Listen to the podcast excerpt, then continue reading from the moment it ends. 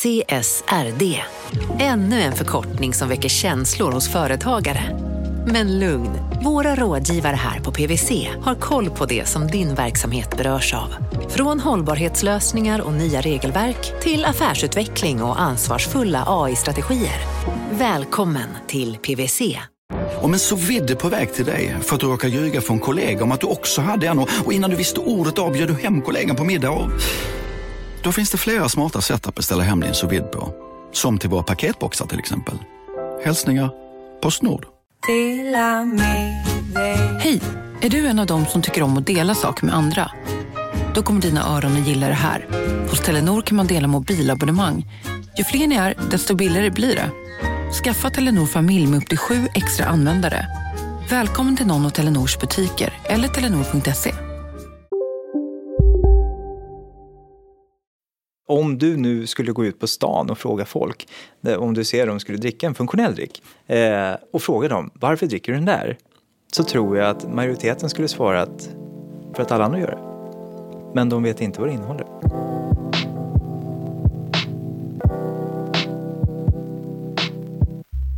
Du lyssnar på Kapitalet med mig Gunnar Harjus och med dig Ulvis, Carl-Johan Ulvis Ulvenäs. Välkommen Just, tillbaka. Tack så hemskt mycket.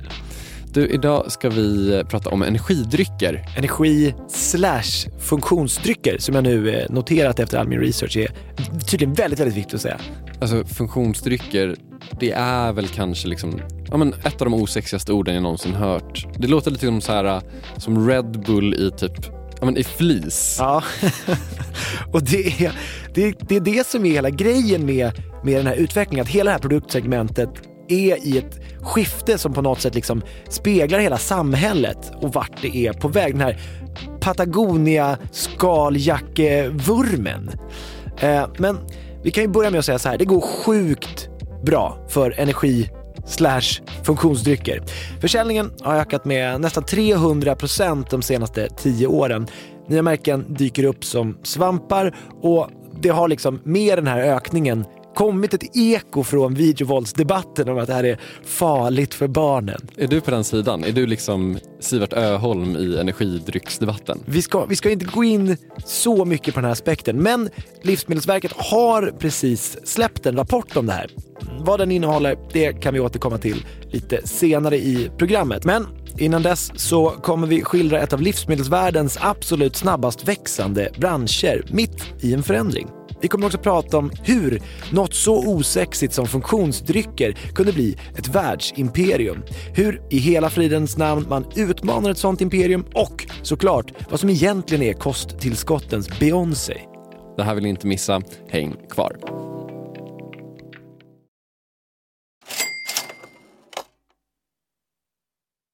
Vi sponsras av alltså Storbrand Asset Management som ju förvaltar över 1000 miljarder norska kronor, bland annat för SPPs eh, många pensionssparare. För två år sedan så investerade Storbrand i drygt 60 tåg, alltså tågvagnar, eh, som rullar mellan London och Skottland. De leasar sedan de här tågvagnarna till tågoperatören som alltså kör tågen och säljer biljetter och sånt eh, med ett avtal på 27 år. Så britterna får nya fina tåg och storbrandskunder, eh, däribland alltså SPPs pensionssparare, får en inflationsskyddad avkastning med låga risker under lång tid. Det här är ett av supermånga exempel på hur pensionskapitalet i växande omfattning bidrar till att bygga samhället och inte minst till att klara klimatmålen.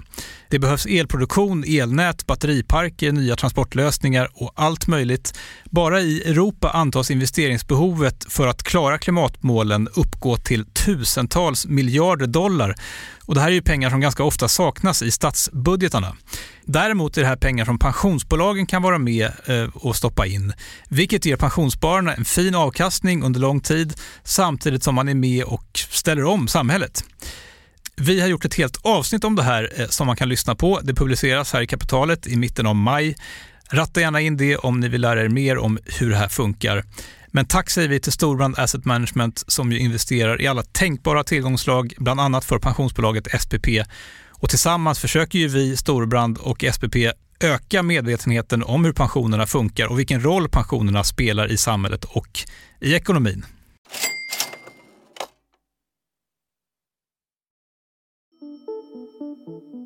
Okej, okay. Så energidrycksvärlden är mitt inne i ett skifte. Men för att förstå det här skiftet så måste man först förstå hur något så märkligt som koffeinspetsat sockervatten kunde ta över världen till att börja med. Eh, jag är född i början på 90-talet så jag minns ändå med viss klarhet när energidrycken kom. Energidryck då helt synonymt med Red Bull. Ja, för mig, jag minns, vi är typ lika gamla tror jag, men, men liksom, jag minns de här gula flaskorna som var liksom formade som men vattenflaskor, alltså sportflaskor, så har de blå kork och stod det så här Prips Energy. Alltså det, alla, alla, alla mina kompisar som spelade hockey, jag gjorde inte det, men alla de hade såna på så här skolutflykter fyllda med saft. Jag spelade badminton. när, när det hade gått riktigt hårt åt, då kunde man unna sin Prips Energy. Wow. Men jag minns också när man då, när man i tonåren eh, började blanda Red Bull med sprit. Jag gjorde icke det, för det var alltså det läskigaste som fanns. Det var djävulens dryck. Det gick ju mycket historier om att man fick hjärtklappning så här, på två sekunder av att typ, så, ta en munfull Red Bull vodka. För spriten går rätt in i blodet. Eh, riktigt så är det ju inte idag. Nej, för idag beställer du ingenting annat än Red Bull vodka på krogen. Nej, nu är det rätt in i blodet med det. Eh, men de här energidryckerna börjar egentligen i Japan på 60-talet. Det är, um, Tokyo är ett ställe som blomstrar på 60-talet, 20 år efter andra världskriget. Hjulen snurrar för fullt helt enkelt.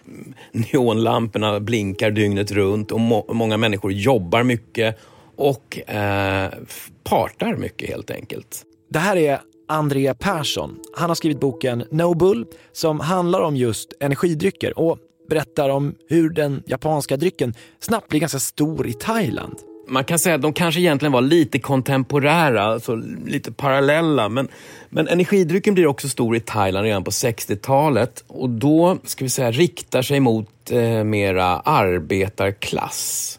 Om den i Tokyo kanske mer eh, användes av en eh, urban medelklass och i Thailand så är det framförallt eh, lastbilschaufförer och skiftesarbetare som, som dricker en thailändsk version av energidrycken.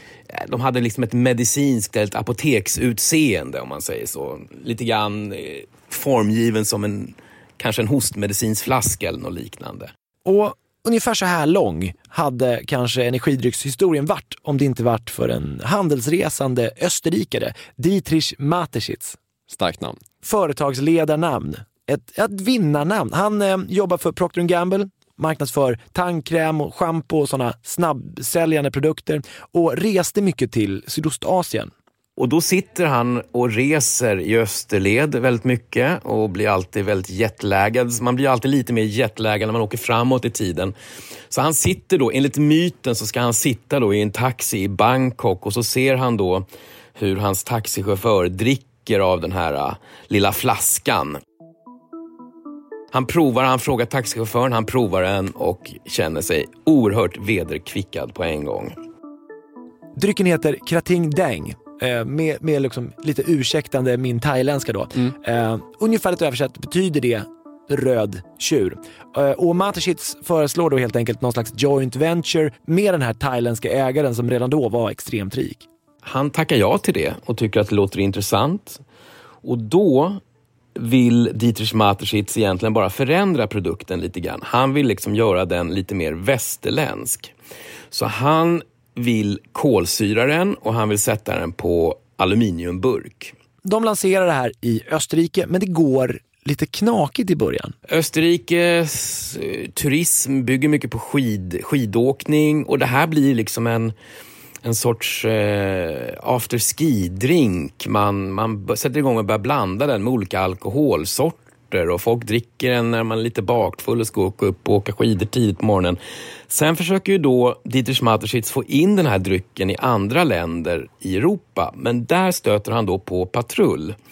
Eh, och får inte in den av olika skäl i olika länder därför att det innehåller taurin, det är för höga koffeinhalter.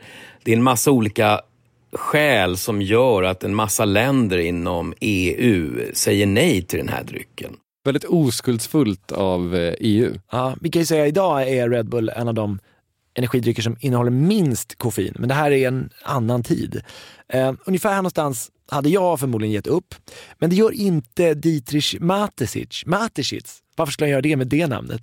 Eh, Och allt det här strulet med att exportera produkten gagnar ju bara Red Bull. Myten kring den späs bara på.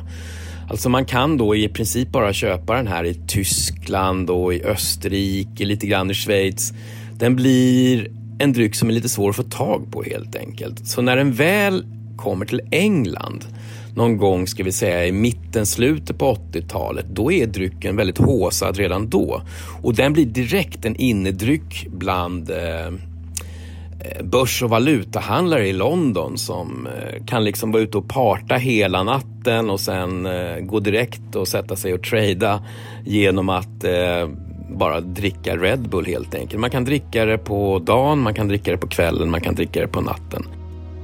Och marknadsföringsmässigt så sticker de ut redan i början när de sköter marknadsföringen med ett väldigt tidigt influencerkoncept. Redan från början så använder sig Red Bull av studenter, unga människor. Så kallade influencers som vi kanske skulle kalla det för idag. Och de söker alltså upp folk i olika situationer där man kan tänka sig vara lite trött och hängig. Det skulle kunna vara att du är långtradarchaufför och står och tankar på en bensinmack ut med någon Europaväg. Och då dyker det upp en eh, äppelkindad student och frågar om du skulle vilja bli lite uppiggad och så ger han eller hon dig en sån här eh, burk. Eller så är det du som står på en afterski eller är på väg upp i skidbacken. Eller så sitter du på din båt bara och så kommer de paddlandes i en kanot med en back med Red Bull och ger till dig. Så att de söker alltså upp folk redan från början. Så det, man har en sorts event marketing med någon sorts guerrilla marketing twist. Om man nu ska uttrycka det så. Och då väljer man bara ut studenter som man tycker är värdiga att vara influencers. Man måste liksom vara lite speciell för att få jobba för Red Bull redan från början.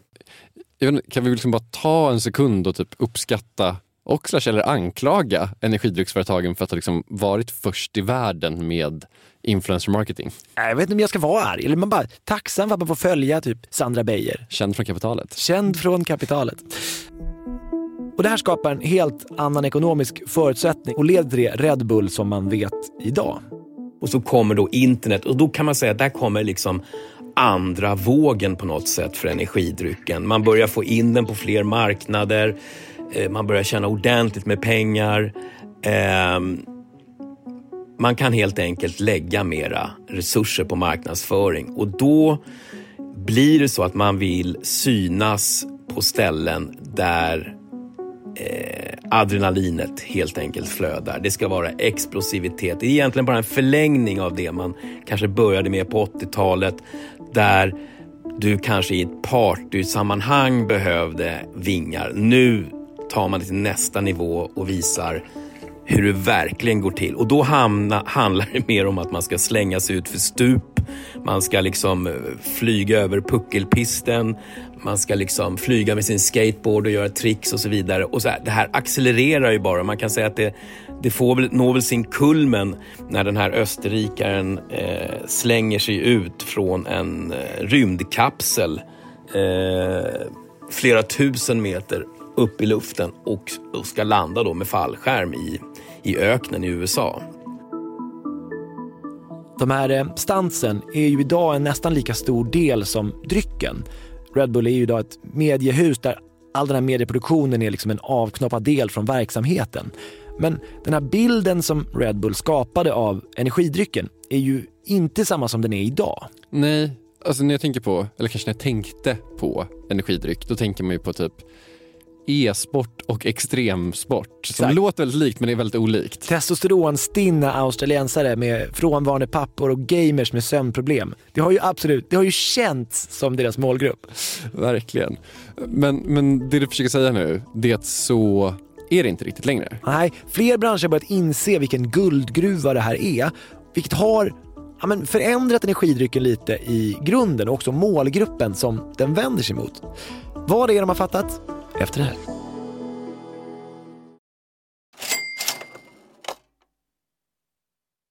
Kapitalet sponsras av Master Exchange, plattformen där du som privatperson kan investera i låtar och får pengar varje gång de här låtarna spelas. Eh, vi berättade ju senast eh, om barnlåten Puff the Magic Dragon som noterades av Master Exchange under våren. Nu har utdelningen på den låten kommit, eller royaltyn som vi säger i musikbranschen. Eh, den ligger på drygt 12% i årstakt och det här är ju en avkastning som är helt okorrelerad till eh, börsen. Till och med Goldman Sachs har börjat skriva om just musik som investering eh, just ur det här perspektivet. Nu finns en möjlighet att investera i en ny låt. Eh, låten heter Boss Bitch och den är av Doja Cat som, alltså jag ska inte säga att jag är superdeep här men det är ändå en, en, person som jag vet om det är. En, en världskändis. Den här låten gav baserad på förra årets spelningar en avkastning på drygt 13% Master Exchange har just nu en väntelista på registreringar. Det, det, går lite för bra för dem kan man säga. Men skriver ni in kapitalet som promo code så kan ni runda kön och ansöka om andelar i låten Boss Bitch ändå. Om ni investerar helt vanliga pengar, det är inget krypto eller sånt där, så vill du investera i musik och få en avkastning som är helt okorrelerad med börsen och kanske inte minst för att det är kul att äga låtar, eh, så kan man gå in på masterexchange.com och använda kapitalet som promo code så går man alltså förbi kön.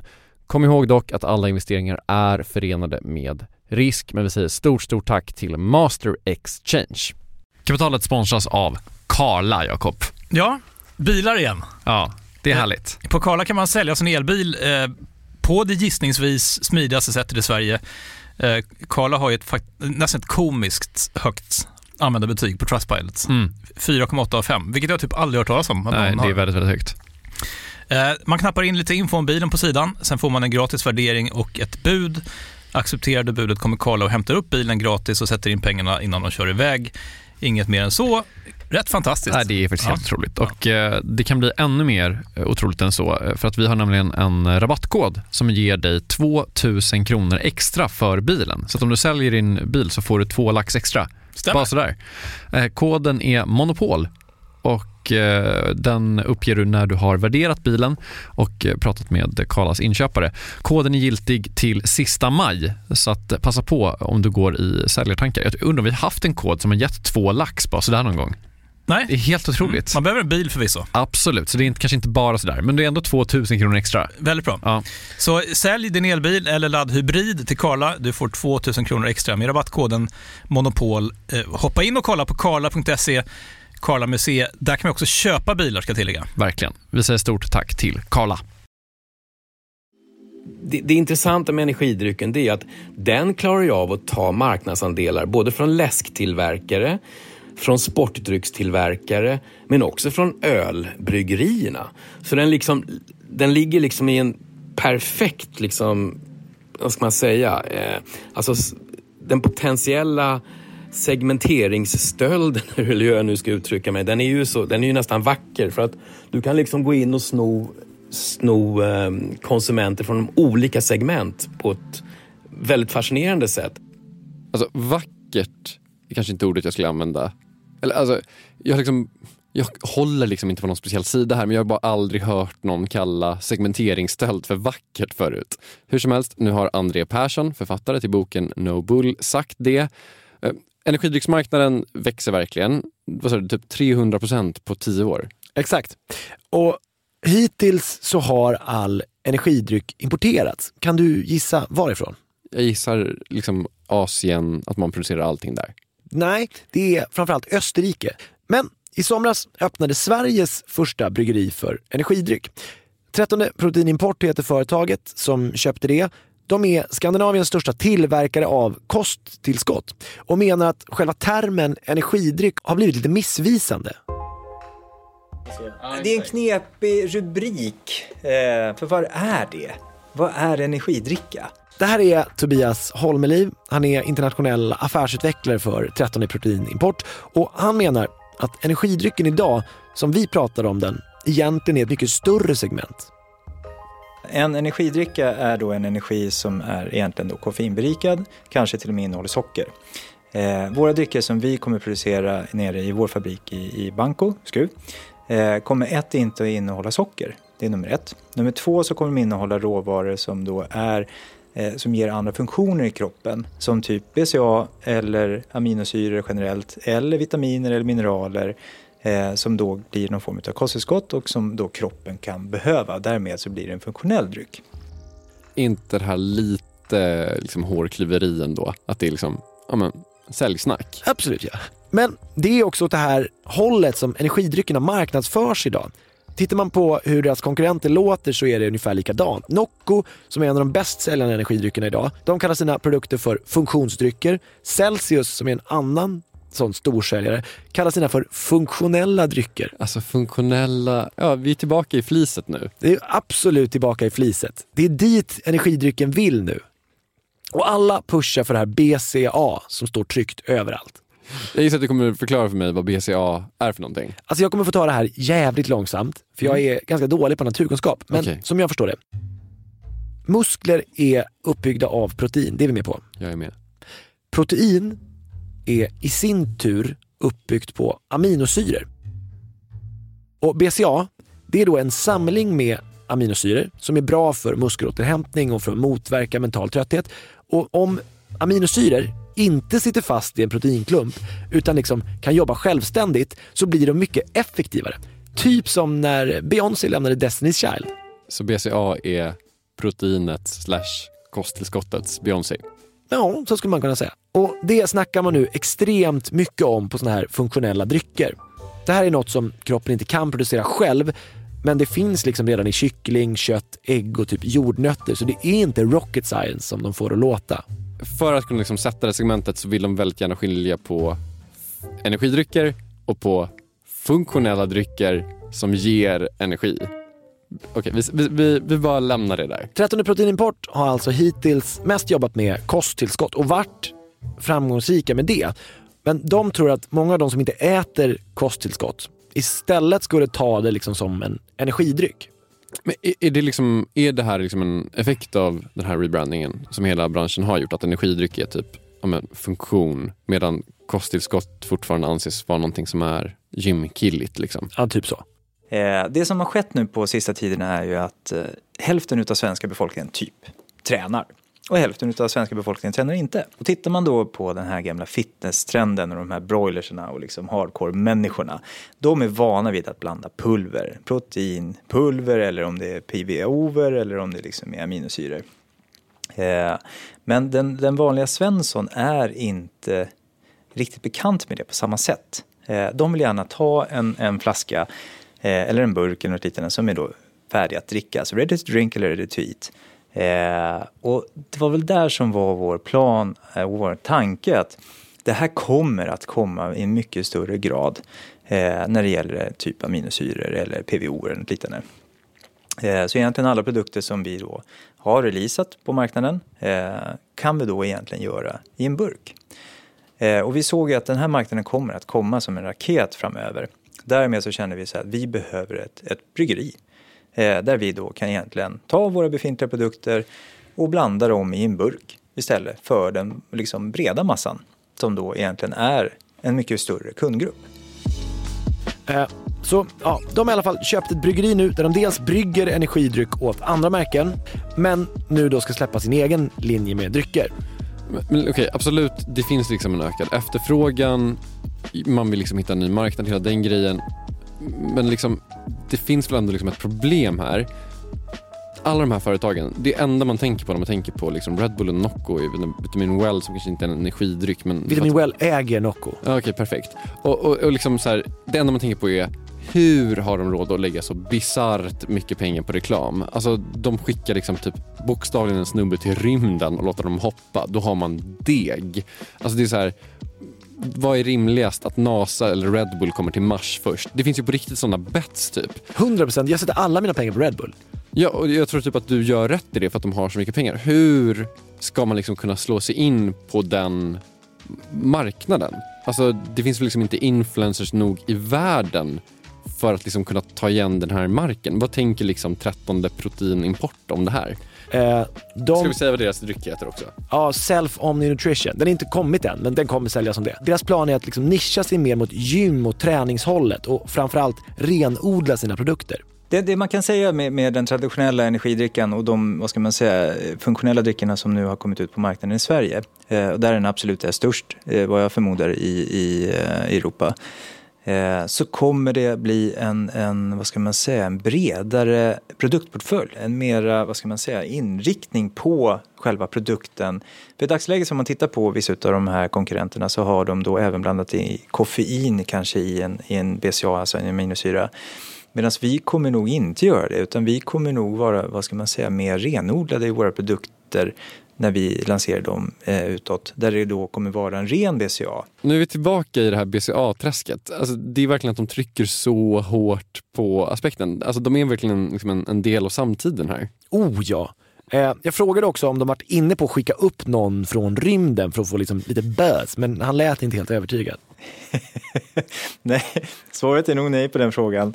Eh, det, jag, jag, förstår deras tankesätt och jag förstår deras vad ska man säga, inriktning på, på marknadsföringen där de försöker då hitta vad ska man säga, evenemang som då blir på något sätt eh, förknippade med, med varumärket. Eh, och även då, ska man säga, galna människor som hoppar från rymden i fallskärm eller vad det nu kan vara för någonting. Eh, men svaret är nog nej, vi har inte tittat på det, nej.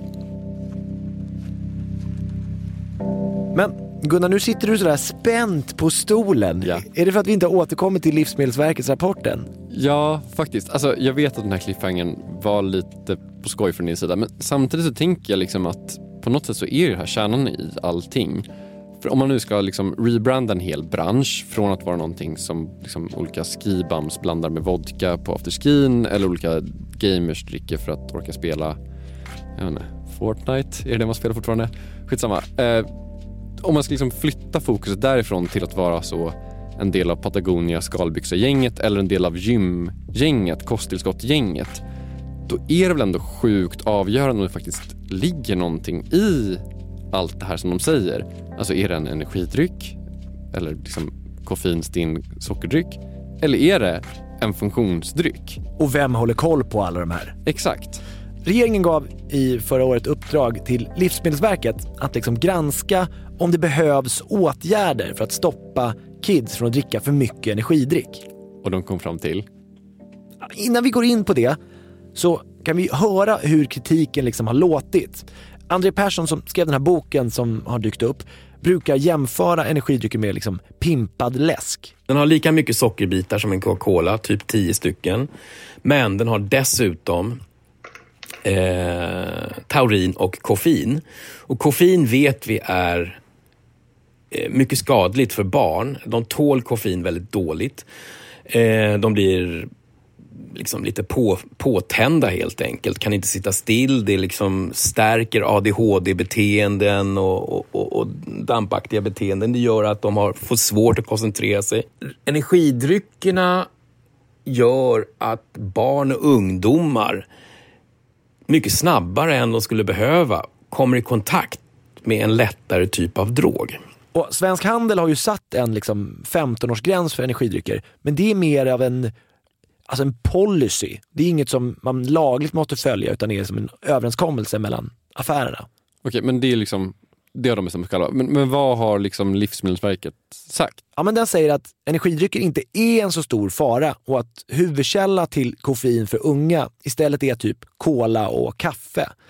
Så enligt Livsmedelsverket så finns det ingen anledning till att rekommendera regeringen till några extra åtgärder för att få ner liksom, energidryckskonsumtionen bland unga och barn. Så de här rubrikerna man läser om att så skolor runt i landet förbjuder energidrycker, det är liksom det kanske de typ inte borde göra. Alltså jag tror till och med att det har motsatt effekt. Alltså, om något så blir man ju bara mer sugen på energidryck om det verkar farligt och förbjudet. Eller ja, alltså så fungerar det ju när Red Bull lanserades. Det ja. bildades ju en hype kring att det verkade så otroligt starkt. Alltså det, är som, det är en så potent grej att så här, de försöker hålla det borta från oss, de här jävla byråkraterna. Så vi, vi måste komma över det till varje pris. Exakt. Svensk Handels VD Karin Brunell har varit besviken på det här och hon säger att de fortfarande vill ha en åldersgräns. Och André Persson tycker att Livsmedelsverket är sega. Jag, jag, jag, förstår faktiskt inte varför Livsmedelsverket är så senfärdiga i den här frågan. Det finns ju många olika motsvarigheter till Livsmedelsver Livsmedelsverket i andra länder som gör drar helt andra slutsatser. Alltså jag såg en annan undersökning från eh, EUs eh, organ för livsmedelssäkerhet. De sitter ju i Parma i Italien. De, de drar ju helt andra slutsatser eh, än vad livsmedels, svenska Livsmedelsverket gör. Eh, och samma sak gäller med eh, FDA i USA som drar också andra slutsatser av energidryckernas skadeverkningar. Eh, Livsmedelsverket i Sverige, när jag började skriva min bok, började göra research för den, det är nästan tio år sedan, säg att det är en sju, åtta år sedan i alla fall. Så eh, jag tycker inte de har, de har inte ändrat ståndpunkt överhuvudtaget sedan jag började umgås med dem i den här frågan. Eh, så jag tycker att de har varit väldigt senfärdiga. Alltså om du är 10, 11, 12, 13, kanske innan du börjar dricka alkohol. Det här är spännande.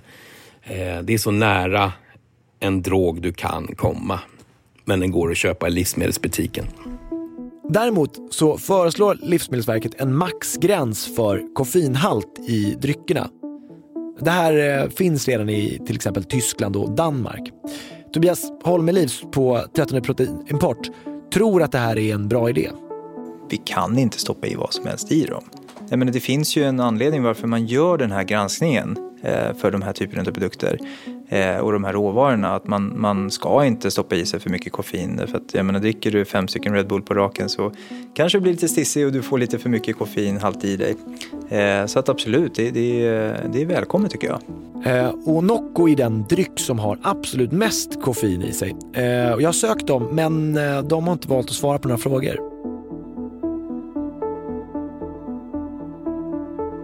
Ja, om man ska knyta ihop den här säcken då, Gunnar. Vad har vi lärt oss? Ja, men det jag känner någonstans det är liksom att den här rebrandingen, eller liksom den här expansionen till andra marknadsandelar har liksom varit så pass medveten och är fortsatt medveten.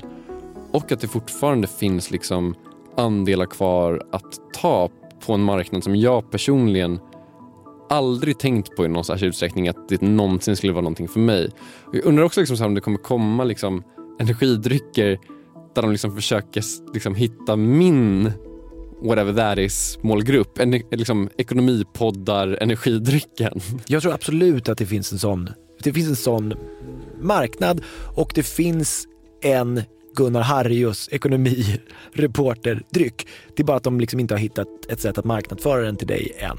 Men det jag tycker liksom är mest spännande är ju liksom metodiken att ta någonting som känns otroligt fringeigt och som är liksom, man har en så himla tydlig stämpel på sig och via liksom ganska tydliga steg hitta liksom en, en mycket, mycket, mycket större, mycket mer mainstream liksom målgrupp. Det handlar också om ett behov som, som de företagen måste skapa för dig. Verkligen. Alltså det, det är liksom Ja, men kanske är det bara så att anledningen till att man känner att alla de här företagen lägger så bizarra summor pengar på marknadsföring är att de vet det vi någonstans också vet. Egentligen behöver man kanske inte dricka energidryck men om vi, ger, om, liksom, om vi blir erbjudna chansen tillräckligt övertygande så kommer vi nog ta den. Ja, det är ungefär något sånt som Tobias Holmeliv är inne på. Det, det är ju marknadsföring. Eh, och det handlar om att eh, folk ser vad andra gör. Och då ser de att de bär omkring på en, den här varumärket och den här drickan. Och om de gör det, varför kan inte jag göra det? Så det handlar om marknadsföring. Och med det så är kapitalet slut för den här veckan. Tack så jättemycket Carl-Johan. Tack så mycket. Eh, Carl-Johan kommer säkert höras mer under våren. Vi är tillbaka med ett avsnitt nästa vecka. Följ oss gärna på Instagram. Tills dess där heter vi att kapitalet. Hej då! Hej då!